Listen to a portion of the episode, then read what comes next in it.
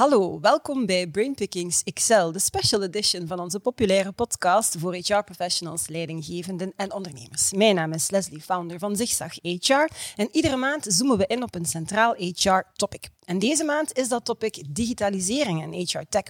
En voor die gelegenheid hebben we ons vertrouwde printmagazine omgevormd tot een videomagazine. Integraal digitaal en alle interviews zijn opgenomen in video- en podcastformaat. Het topic dicteert de vorm, zeg maar.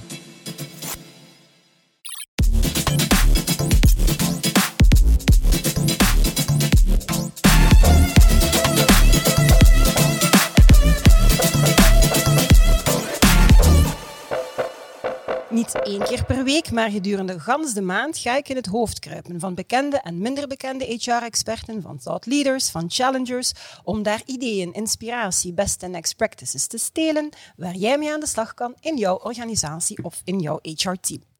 En een van mijn challengers is Steven van België. COVID-19 heeft ons als een teletijdmachine tien jaar verder in de tijd gecatapulteerd. Digitaal gebruiksgemak, dat is vandaag het Olympisch minimum.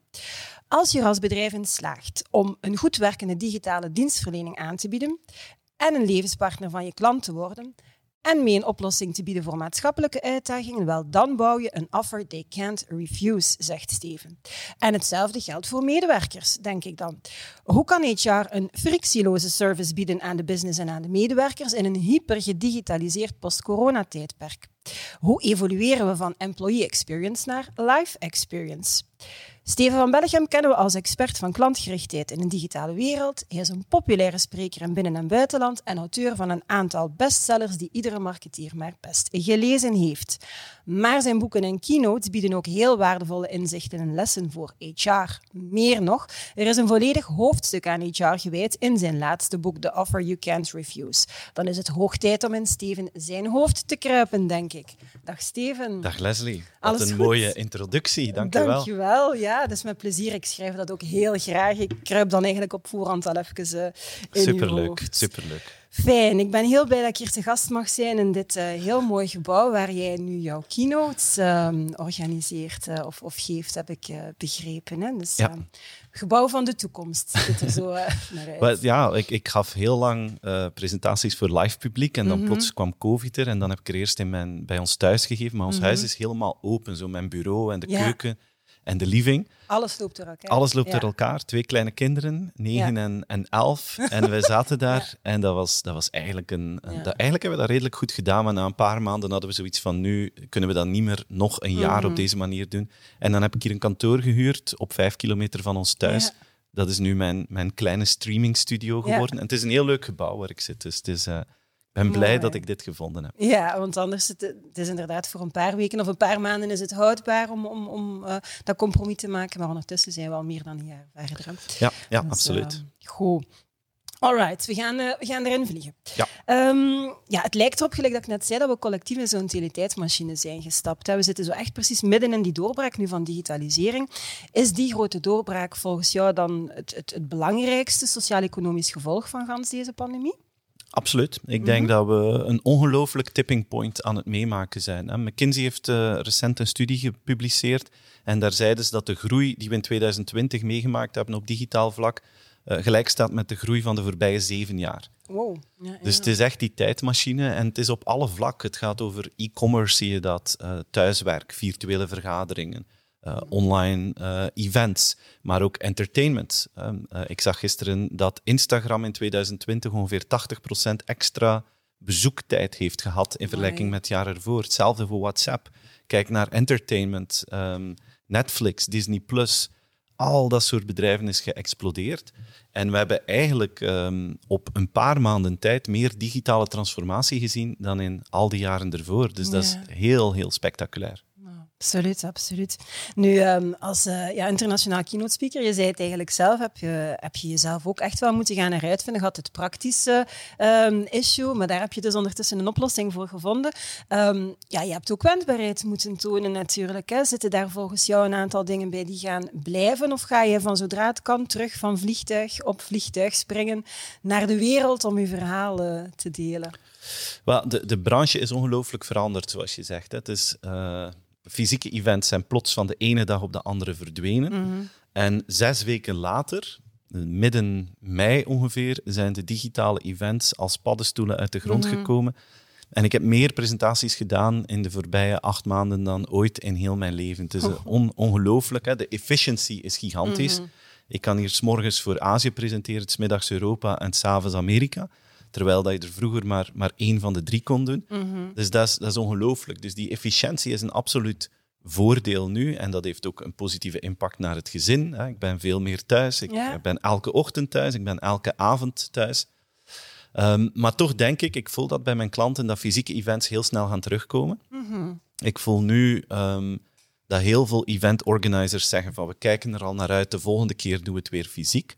Maar ik denk wel dat de fysieke events niet meer dezelfde zullen zijn als voor COVID. Eh, Het zou mij verbazen als er niet een digitaal luik wordt aangekoppeld. Sowieso, dat we sowieso naar hybride Ja. eh, events Want gaan, het ja. bereik is gewoon veel groter en je kan ook een efficiëntieslag slaan. Dus ik kan me inbeelden, ik sprak vroeger veel op die internationale sales meetings, zo met 2000 mensen van een groot softwarebedrijf die naar Barcelona gevlogen worden voor drie, vier dagen. Ja, ja. En dan zitten ze daar van Brazilië en Australië, superleuk. Maar ik kan me wel inbeelden dat bedrijven misschien gaan zeggen van goed, we doen een event in Barcelona voor onze Europese medewerkers. En die van andere werelddelen, die gaan we ja, virtueel laten meevolgen. En volgend jaar doen we het dan in Brazilië ja. en omgekeerd. Maar ik denk ook dat bijvoorbeeld, het zou zelfs kunnen dat ze zeggen, we vliegen iedereen nog altijd naar Barcelona, maar dat zijn maar duizend van onze medewerkers. We hebben heel veel content die ook interessant is voor misschien nog eens 10.000 andere medewerkers, dat dat gestreamd wordt. Ja. Het zou best wel eens kunnen dat ze clubhouse-sessies er rond organiseren, dat ze ehm, Zoom kleinschalige meetings organiseren, waardoor dat je rond het fysieke event heel veel virtuele subactiviteiten krijgt, waardoor dat je veel meer mensen kunt bereiken. Dat Ja. zou me echt verwonderen als dat niet gaat gebeuren. Mhm. En is dat iets waar je dan bijvoorbeeld zelf gaat op aansturen ook? Dat je, want dat je de toekomst wordt zoals dat wij willen dat is wordt voor stukken. Ja. Zeker, zeker. Ik, eh, ik ga dat zeker proberen doen. Als je naar een internationaal congres gaat, uiteindelijk, je vliegt ergens naartoe voor een presentatie van, van een uur en, en misschien nog wat netwerking rond. Hoe, hoe beter en efficiënter je die tijd kan gebruiken, hoe, hoe beter. Dus als ik daar nog andere virtuele sessies kan bijdoen voor andere mensen te bereiken, ga ik dat met heel veel Ja. plezier doen. Ik kijk daar naar uit. Oké, misschien de democratisering van eh, inspirerende content komt er ook aan dan. Absoluut. Ja, en, en veel interactiever uit. Tot nu toe hebben we YouTube gehad. Daar kun je alles zien. Als je het nieuwste van Seth Godin wil zien, dan staat dat daarop. Eh, dat is leuk. Maar er is geen interactie. Het is niet die, die live experience. Nee. En ik heb gemerkt bij virtuele events dat het live gebeuren ook wel heel belangrijk is. Ja. Dat mensen het gevoel hebben, ik ben erbij op hetzelfde moment met een groep mensen. Dat is een belangrijke. Dat, dat is nu ook wat je ziet bij Clubhouse bijvoorbeeld. Dat is live. Mensen Mhm. zijn er. Er, er spreken daar eh, celebrities à la Elon Musk. En je kan je hand opsteken en een vraag stellen aan, Aan Elon, Elon Musk. Musk, hoe crazy Dus dat, is is, dat? dat, Ja, dat was ja. vroeger ondenkbaar Ja. Mhm. en nu kun je dat vandaag wel gaan doen. Dus da- op dat vlak denk ik gaan we veel meer live experiences krijgen, waardoor dat je inderdaad het, het gevoel hebt van ik kan overal bij zijn op een heel toegankelijke manier. Ah, mooi, mooi. Klinkt, klinkt goed. Tof hè? Ehm, de makkelijkste jaren van de digitale evolutie liggen achter ons, had ik gelezen. Online com- communicatie, online shoppen, digitaliseren van diensten. Maar we ain't seen nothing yet, las ik eh, in uw boek. Want de komende decennia gaan we digitale technologie ontdekken die onze wereld in, in zijn kern, onze maatschappij, in zijn fundamenten gaat veranderen. Net zoals het vuur, wiel, boekdrukkunst, ehm, internet destijds eigenlijk dat hebben gedaan. Dat noemt General Purpose Technologies, heb Ja. ik dan eh, gelezen. En volgens jou staan we aan de vooravond van de doorbraak van voor vier nieuwe, denk ik, General Purpose Technologies. Eh, vertel daar eens wat meer over. General Purpose Technologies zijn technologieën die eigenlijk op zich de kracht hebben om elke industrie te veranderen en impact te hebben op elke industrie. Nu zijn er vier in opmars die samen ongelooflijk veel kunnen realiseren. En dat gaat over artificiële intelligentie, dat gaat over eh, robotics, dat gaat over quantum computing en dat gaat over 5G. Elk van die technologieën bestaat al een hele tijd, maar nu staan ze op het punt dat ze in een stroomversnelling komen. 5G komt er heel snel aan. Ehm, quantum computing, vorig jaar heeft Google en IBM hebben daar een aantal grote stappen gezet. Ehm, maar vooral, ik denk de driver van heel dat verhaal wordt artificiële intelligentie. En, en vandaag worden we daarmee geconfronteerd, maar zien we vooral de beperkingen ervan. Hè? Ja. Als je naar Facebook gaat, krijg je advertenties te zien van iets wat je net gekocht hebt. En dat werkt maar half. We praten over fake news. En er wordt heel veel over de nadelen gesproken. Een keer dat we vijf à tien jaar verder zijn, gaat dat echt goed beginnen werken. En gaan we als consument daar veel meer mee geconfronteerd worden. Vorige week vrijdag had ik met, uh, met Nextworks hebben wij zo een, een maandelijkse sessie. Dat noemt Mission CX. uh, waar dat mensen zich kunnen inschrijven. En daar, daar nodig ik altijd wereldautoriteiten uit op verschillende vlakken. En dan, dan doen we daar toffe dingen mee. En vorige week hadden we Pieter Abeel te gast. Ah, ja. hè, onze Belgische god op vlak van artificial intelligence. De rockstar professor, rechterhand geweest van Elon Musk, awarded door president Obama. En, en hij was heel enthousiast over voice. Omdat ik was heel sceptisch over voice. Ik zeg van Pieter, eigenlijk die Google-bakjes bij ons thuis, dat werkt eigenlijk maar half-half zo. Dat, dat ding snapt mij nog altijd niet perfect en dat antwoord is ook nog niet wat het moet zijn. Hij zegt van, wacht nog drie, vier jaar en dan krijg je een wereld dat je echt zo een soort van personal assistant krijgt. Hè. En eh, het nieuwe boek van Thierry Geerts, country manager van eh, Google België, is Een van uitgekomen. onze challengers, by the way. Eh, een schitterende kerel, hè, de homo digitalis. Ja. Waarbij hij ook zegt van kijk, heel het concept van de smartphone staat op het punt om te verdwijnen. En we krijgen een, een virtual assistant die ons overal bij helpt. Ja, en dat kun je op individueel niveau bekijken. Dat kan je zien op, eh, op in, in, in bedrijven. Dat kan je gaan zien in, in transport en mobiliteit. Dus die mogelijkheden zijn daar ongelooflijk van. En we staan aan de vooravond van een doorbraak. En dat zorgt voor hele nieuwe mogelijkheden, hele nieuwe Ja. interfaces die ons leven fundamenteel kunnen veranderen. Wauw. Ehm, digital convenience dan. Gewoonste zaak ter wereld eigenlijk. Hè? Vandaag de dag in ons persoonlijk leven. In de zin van, hè, we installeren een app en binnen de 30 seconden ja, beslist je of dat je ermee gaat blijven werken of dat je hem al direct weer eh, eraf gooit. Hè? Want anders vertraagt je toestel uiteraard.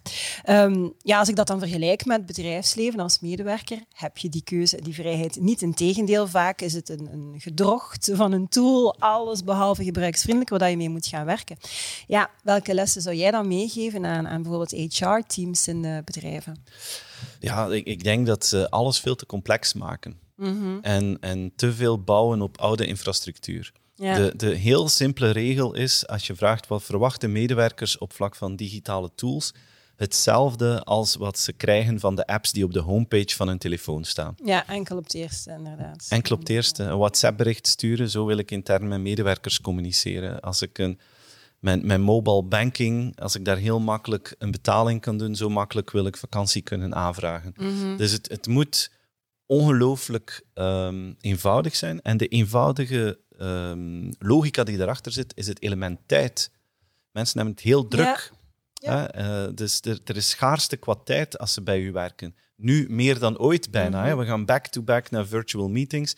En als je dan iets moet uitzoeken en dat duurt lang, en lang is drie minuten in dit geval, hè, dat is een eeuwigheid Ja. om iets uit te zoeken, dan worden mensen daar helemaal zot van. Ja. En dan gaan ze het ook waarschijnlijk niet meer doen. Dan gaan ze hun eigen workarounds gaan, gaan zoeken. Dus de, de lat op vlak van digital convenience binnen bedrijven moet gewoon hoog Ja. liggen. En het goede is, het zijn veel nieuwe HR-tech-tools. Absoluut, de de ja. wereld eh, Ja. ligt er vol van.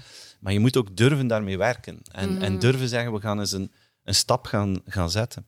Ja. En dat, dat, dat denk ik zou een heel belangrijke step forward zijn. Ja, en dan inderdaad hoor ik ook van, we willen eigenlijk altijd wel wat verder bouwen op wat er is. En, en zo een beetje, eh, toen mij denken aan de typische Vlaamse koterijen, vroeger aan huis, en je zet er iets bij, je zet er iets bij. Soms moet je durven om gewoon alles naar beneden te gooien. Of, of Ja. gelijk Lego-blokken, met de bestaande Lego-blokken, iets nieuws Ja, gaan absoluut. bouwen. Maar, ja. Ja, want uiteindelijk, de, je, je betaalt mensen veel geld Mhm. maandelijks met één doel, dat ze hun job zo goed mogelijk doen. Mhm. En dat ze alle energie die ze hebben in het uitvoeren van die job kunnen stoppen. Ja. Als er dan energie of tijd verloren gaat met, door met een, een tool te werken waar dat de mensen gek van worden, ja, dan, dan slaag je niet in het Nee. doel waarvoor dat je die mensen uiteindelijk hebt aangeworven. Mhm. En dat is denk ik belangrijk, dat je alles in het kader stelt van laat ons hun energie focussen op wat dat ze moeten doen. Ja, ja, dat ze die tijd daarvoor kunnen gebruiken. En effectief is een wezenlijk onderdeel van de employee experience, hè, de, de, de digital aspecten. Hoe, hoe frictieloos is het voor hen om te werken, te koer met de toestellen en software Ja. en hardware. En ook, ik beeld me dan in dat, dat je zo op zoek bent, zoals veel bedrijven, naar jong talent. Mhm. En dan komt er zo'n 2, 23-jarige binnen En die zegt, eh, welke app moet ik installeren Ja. voor alles te regelen? En dan zeggen ze, nee, nee, we hebben hier een of ander systeem. Ja. En dat die mensen Bolletjes. zeggen van, oei, oei, we zijn hier in de middeleeuwen terechtgekomen. Dat is, dat is niet interessant. die haken haken onmiddellijk af. Of die zoeken omwegen, die worden daar gek van. Ja, oké. Ik ook hoor, ik word daar ook al gek van. Dat Maar is ik- het. Ja, ik- het, het, mag, het, het is effectief wat je zegt. Tijd, tijd is, is, is, is een schaars goed en, en we hebben er maar zoveel van. En als het ons te veel moeite kost of te veel tijd in beslag neemt, dan gooit je het opzij, gooit je het weg, Ja. workaround, of stelt je het uit, doet je het niet. Gewoon doet je het niet. En weet je waar ik gek van word, eh, Leslie? Dat is van eh, bedrijfsleiders, of dat dan nu HR of marketing is, die iets digitaal gemaakt hebben voor een Mhm. doelgroep, zij het klanten of medewerkers, en die zeggen van ja, we zijn toch tot de conclusie gekomen dat onze medewerkers of onze klanten er nog niet klaar voor zijn voor het digitale. Want Ja. we hebben hier iets gemaakt en ze gebruiken het niet, dus ja, ze zijn er niet klaar, voor. Daar word ik helemaal Ja. groen van.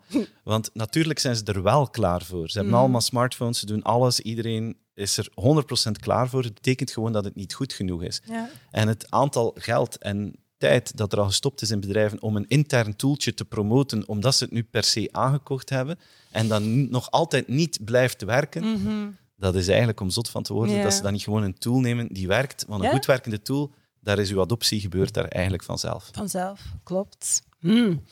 Ehm, het offer you can't refuse model, wat ik in de intro eh, een stukje naar, eh, naar verwees. Ehm, je hebt dat ook volledig op maat van medewerkers eigenlijk vertaald. Kan je misschien kort toelichten wat dat eh, model inhoudt in het algemeen en dan die vertaalslag naar HR maken? Zeker. Het, is, het zijn eigenlijk vier componenten dat ik gebruikt heb die waarde bieden aan de moderne mens. Hè, Ik ben begonnen vanuit klantenperspectief. Dan gaat het over een, een goed product aan een goede prijs. Dat is de minimumvoorwaarde. Zonder kan je eigenlijk niet beginnen. Dan heb je dit digitaal gebruiksgemak, waar we het net over, over hadden. Is een commodity vandaag. Mensen verwachten het. Heb je het niet, dan is het een negatieve differentiator. En als je die twee goed hebt, dan heb je een soort goed werkende transactionele relatie met een klant. Het, het werkt en, Ja. het, en het lukt om met u zaken Zonder te doen. meer. Zonder meer. Ja. En dan komt het erop aan om ook een emotionele relatie uit te bouwen. En daar heb ik twee dimensies voor gebruikt. Enerzijds partner in life, waarbij dat de kunst is om de mens achter de klant te begrijpen. Ja, Hier gaat het niet over uw product verkopen, hier gaat het over welke zorgen hebben mensen in het dagelijks leven of welke dromen hebben mensen in het dagelijks leven. En hoe kan ik daar met mijn bedrijf waarde aan toevoegen op een manier dat ook niet storend is. Dus dat ik daar niet non-stop eh, rond die klanten draai, maar op het juiste moment de juiste Ja. diensten aanbieden. Partner in life. En de top van het model is changing your world, impact op maatschappij, positief bijdragen tot maatschappelijke uitdagingen. Eh, niet alleen sustainability, want ik denk ook dat dat een minimumvoorwaarde zal worden, maar ook sociaal-economisch. Hoe kan je de kracht van jouw gebruik- bedrijf gebruiken om Ja. sociale problemen mee te helpen tackelen? Dat zijn vier niveaus. En elk van die vier die bieden vandaag waarde aan de moderne consument. Als je ze samen in één verhaal weet aan te bieden, dan heb je een offer you can't refuse. Dus dat is het, de theorie Het- van het model. Uh-huh. En dan heb, je, eh, heb ik inderdaad een hoofdstuk geschreven naar medewerkers toe, omdat ik denk dat exact dezelfde Mhm. filosofie perfect bruikbaar is naar medewerkers. Een goed product en prijs wordt dan een interessante job met een competitief eh, loon of Mhm. loonpakket. Digital convenience blijft digital convenience, hebben we het net over gehad. Mhm. Mensen verwachten dat van een moderne werkgever. Partner in life wordt partner in career, waar het verder gaat dan gewoon ja, mensen hun, hun, hun dagelijkse job gaan uitleggen. Hè, maar waarbij dat je echt nadenkt van wat zijn ambities, wat zijn dromen, wat zijn problemen die ze misschien hebben die, die zelfs buiten onze werksfeer liggen. Maar als we dat mee helpen oplossen, dan gaan ze een betere job doen Ja. eh, bij ons. Dus, dus daar veel empathischer eigenlijk over nadenken en breder over En nadenken. holistischer Ja. bijna zelfs, ja. De, de totale mens in plaats van de medewerker. ook. Inderdaad, het is, ja, het, is, ja. het is eigenlijk de mens achter de medewerker snappen. En hoe kunnen we daar eh, die mensen ja, waarde bieden? Ja. En dan impact op de maatschappij is hetzelfde als naar klanten. Waar, waarbij ik denk dat... Ik heb daar soms discussie over met bedrijven, of discussies over, die zeggen van ja, eh, changing the world, onze klanten... Ja, in onze markt is dat nog niet zo belangrijk, Steven. En dat kan. Hè. Er zijn markten die daar ja, nog niet mee bezig zijn en waar dat er niet genoeg concurrentie is en dat dat eigenlijk nog niet nodig is. Naar medewerkers toe vind ik dat een heel ander verhaal. Ehm, ik denk dat medewerkers het steeds belangrijker vinden om voor een werkgever te werken die iets meer doet dan puur geld verdienen. Ja. Zeker getalenteerde, jonge, gedreven mensen die willen ook een verhaal kunnen vertellen dat verder gaat van ik werk daar en ik doe dit. Maar nee, wij helpen om dit probleem op te lossen, is volgens mij cruciaal naar medewerkers toe. En opnieuw, dan heb je vier dimensies die gewaardeerd worden door de moderne mens. Als je het vanuit dat HR-perspectief bekijkt van de medewerker. En samen kan je een aanbod geven aan talent uh, dat niet te weigeren valt. Ja, Wauw. Zeg, en die vier dimensies, wat, wat, zijn die dan uh, concreet uh, om, om die, die partner in career te worden? Dat gaat dan over, over leren of over... over wat is ah, de vier dimensies zijn ja. product, price, digital convenience, partner in life en uh, changing ja. the world. Ja. Van het model, hè? Maar als, als die werkgever dan, en gelijk dat je zegt, echt die partner in, in, in career ook wil worden en medewerkers, wat, wat moet die dan heel concreet gaan, um, gaan aanbieden? Gaat dat dan over een aanbod naar, naar leren en ontwikkelen? Gaat dat over welzijn? Zijn, opdat die persoon in, in zijn holistische wezen beter zijn job gaat kunnen doen. Ja, en ik denk dat een belangrijk uh, aspect daarbij personalisatie is. Mm -hmm. ja. Want dat, Ja. dat is verschillend wat jij belangrijk vindt en wat ik belangrijk vind. Mhm. En het is Ja. de kunst om de, de, de dromen, de angsten, de ambities van elk individu te begrijpen en daar gepast te kunnen op inspelen op het juiste moment. Voor sommigen gaat dat opleidingen zijn, dat is well-being. Voor anderen zal dat misschien zijn gaan helpen met een thuissituatie. ja, absoluut. Ehm, voor nog anderen zal dat misschien zijn van ik heb echt een droom om keihard carrière te maken, wat give me the Mhm. tools en, en, en zorg dat ik dit kan waarmaken. Dus het verschilt van persoon tot persoon. Anderen gaan zeggen van ik vind het net leuk om hier te werken, omdat ik kan bijdragen aan het oplossen van het probleem. Mhm. Geef mij dan alsjeblieft ook de ruimte om dat te doen. Dus het, het empathische of gepersonaliseerd empathische vermogen Ja. zal hierbij cruciaal zijn. Oké, dat is duidelijk. Ehm, ja, ik ben sowieso, ik noem mezelf een learnetic. Ik haal learnings uit elk boek dat, dat ik lees. Uit uw boek, ik, ik wou er drie, maar ik dacht van, dan heb ik er zes, dus heb ik er uiteindelijk maar eentje. Eh, dat, ik- dat ik dan wil delen. eh, eh, de, de- gewoon omdat de term op zich, friction hunters, heb ik er bijvoorbeeld Ja. eh, uitgehaald. Dus medewerkers die zich verplaatsen in de schoenen, die empathie dan ook hè, eh, terug daar, maar die zich verplaatsen in de schoenen van de klant en die op zoek gaan naar alle mogelijke fricties die er zijn, met de bedoeling die dan uiteraard op te lossen, zodat het voor die klant een, een, een makkelijkere, fijnere, frictieloze Ja. ervaring wordt. Ehm, wat is voor u de, ik vind, het lijkt mij een moeilijke vraag, de ultieme learning die je zou willen meegeven aan, aan mensen die nu kijken uit uw laatste boek of in het algemeen? Goh, in, in het algemeen, ik wil doorgaan op wat je, op wat je Mhm. vertelt. Ehm, become a friction hunter. Zorg dat je sensitief bent om zaken vanuit klantenperspectief te Mhm. bekijken en te zien wat die ervaring naar beneden haalt. En de beste manier om dat te doen is om ja, zelf klant te zijn Ja? en zelf alles te doorlopen zoals een klant het doet. Ik, ik heb zo'n schitterende anekdote eens gehoord van Gert Verhulst Mhm. dat hij met zijn, eh, met zijn kinderen naar uh, Plopsaland ging. Hij, Mhm. liep daar, of hij, was daar aan het werk en zijn kinderen uh, waren daar ook. En hij ging op die bootjes van Kabouter Plop. Ken Ja, je die? Waar dat vroeger de bijtjes, de bijtjes van de melie zaten daar Ja, als wij klein ja. waren. Mhm. Dus je hebt zo'n indoor attractie met een bootje en je ziet Plop en, en al dat soort dingen. Mhm. En Gert zat daarop met zijn kinderen. en, die, en die zag bij een van die scènes dat daar een blikje cola tussen lag. Dus een van de gasten had dat daartussen gesmeten. En hij werd daar woest van. Ja. Want hij zegt van ja, dat is hier kabouterbos, dat mag hier niet Dat vol zitten niet, met ja. afval. Dus die is Mhm. uit die boot gesprongen tijdens die attractie. Die heeft dat blikje Mhm. gepakt, die heeft wat gesprint, is weer in die boot gekropen. En hij kwam eruit en eh, ja, zijn, zijn medewerkers staan daar. En hij zegt van kijk, ik heb dit hier gevonden in ons kabouterbos. Ik zou graag hebben dat jullie voortaan elk uur zelf Ja. ook een toertje doen op deze attractie.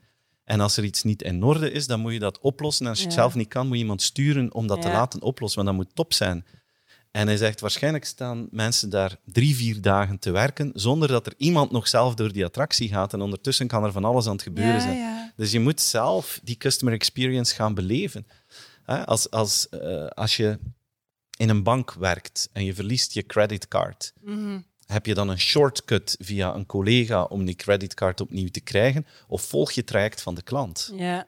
Het feit dat er een shortcut zou bestaan, betekent misschien ook Ja. dat het traject voor de klant niet super nee, nee. is. Ja, hè? ja. Dus gewoon alles doen, net zoals een klant het beleeft. Ik denk dat dat voor, voor elke medewerker in een bedrijf ongelooflijk interessant kan, eh, kan zijn. En zo kan ook iedereen dichter Bij die, bij die klant gaan komen. Mhm. En je zou zelfs hetzelfde proces eigenlijk op HR dan kunnen gaan toepassen ook, dat er iemand vanuit um, ehm, HR in de schoenen van een medewerker kruipt doorheen gans die journey en daar die oefening een stukje gaan maken. Absoluut. Ja, ik vind dat een heel belangrijk. En wat je zegt, dat, dat blikje doet mij denken, en ik ben even haar naam kwijt, was een HR-directeur, Astrid... Uh, Astrid de Latouwer van uh, eh, Ontex En ik vroeg haar van ja, cultuur, dat hangt overal aan de muren, een DNA en een slogan. Hoe ga ik dat zien dat mensen geëngageerd zijn? En ze zei iets gelijkaardigs, zegt ze wel, je mocht in eender welke fabriek ter wereld zijn. Ze gaan niet noodzakelijk die een slogan of gans verhaal kunnen opzommen, zegt ze. Maar ik garandeer u, als er papier op de grond ligt, iedereen die daar voorbij komt, ongeacht wat ze doen, gaat dat papier oprapen. Dat is cultuur. Ja. Wauw. Ja, en dat is een stukje... Ja, en als je dat... Ja, natuurlijk als zaakvoer... Gert Verhulst, natuurlijk wil hij dat allemaal mooi is, maar als je daarin slaagt dat je medewerkers dat ook doen, ja. Dat vind ik wel... Ay, dat vond ik... Uh, ja, dat is, is knap. Van de, is knap, hè? Um, Oké, learnings. Voor de andere learnings moeten ze je boek maar lezen of je boeken, hè. Um, of naar keynotes. Hè. Ja. Um, nu, jij schrijft boeken. Wie ook al eens een boek durft schrijven is Geert Noels. Ja. Gigantisme uh, onder andere, waarin dat hij toch wel aanklaagt dat heel wat grote bedrijven te veel macht hebben.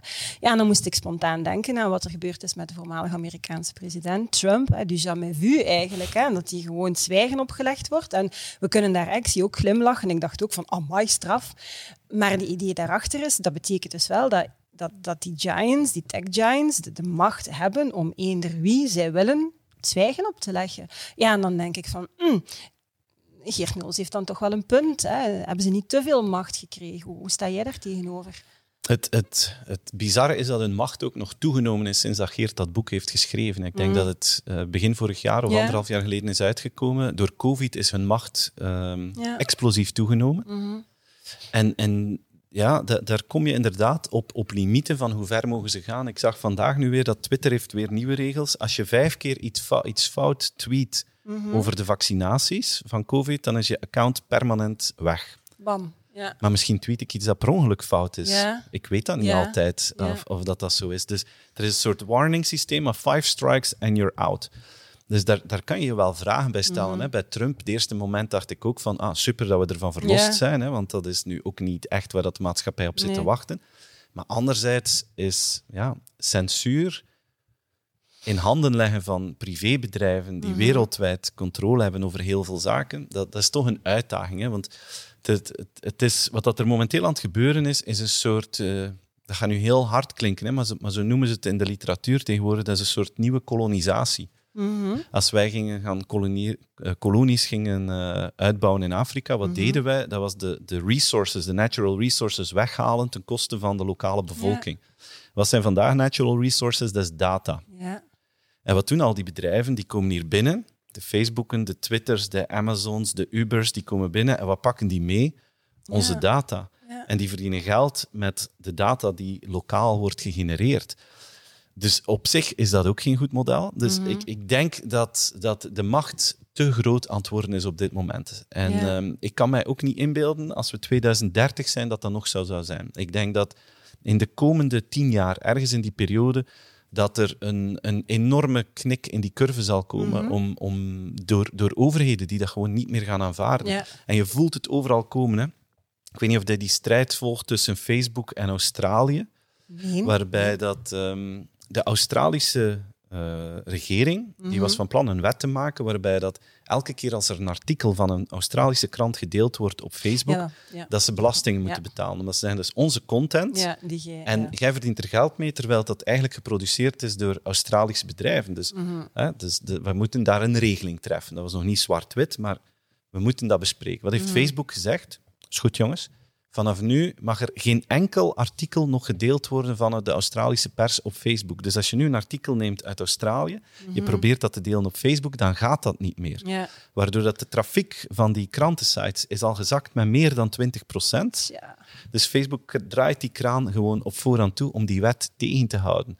Dus dan, dat, dat, zijn allemaal toch zo, dat, dat schuurt toch een beetje tegen onze principes. Dus nu heb je Australië die daarmee bezig is, maar de, minister in, de eerste minister in Australië zegt er zijn al meerdere landen met ons aan het praten van mhm. misschien moeten we zoiets wel wereldwijd gaan doen. want één land wordt nu getroffen, maar het is, het is niet evident. Maar hun macht wordt inderdaad te groot. Dat, uh, daar ben ik het mee eens. Oké. Ik onthoud vooral dat, dat, dat er toch een knik gaat komen in de zin dat, dat dat we het niet meer gaan, we bedoel ik dan, en de overheden, de maatschappij, Ja. de totaliteit, het niet meer gaan tolereren. Dat gaan grote bedrijven blijven, hè, maar Ja. hun businessmodellen gaan toch moeten veranderen. Mhm. Een heel interessant moment zal worden als Apple zijn nieuwe iOS uitrolt, ergens in april, mei, denk ik. Mhm. Waarbij dat, eh, dat elke keer als wij naar een site gaan, of naar een app, naar een app gaan, dat onze iPhone gaat vragen, wil je dat die app uw data gebruikt naar derden toe?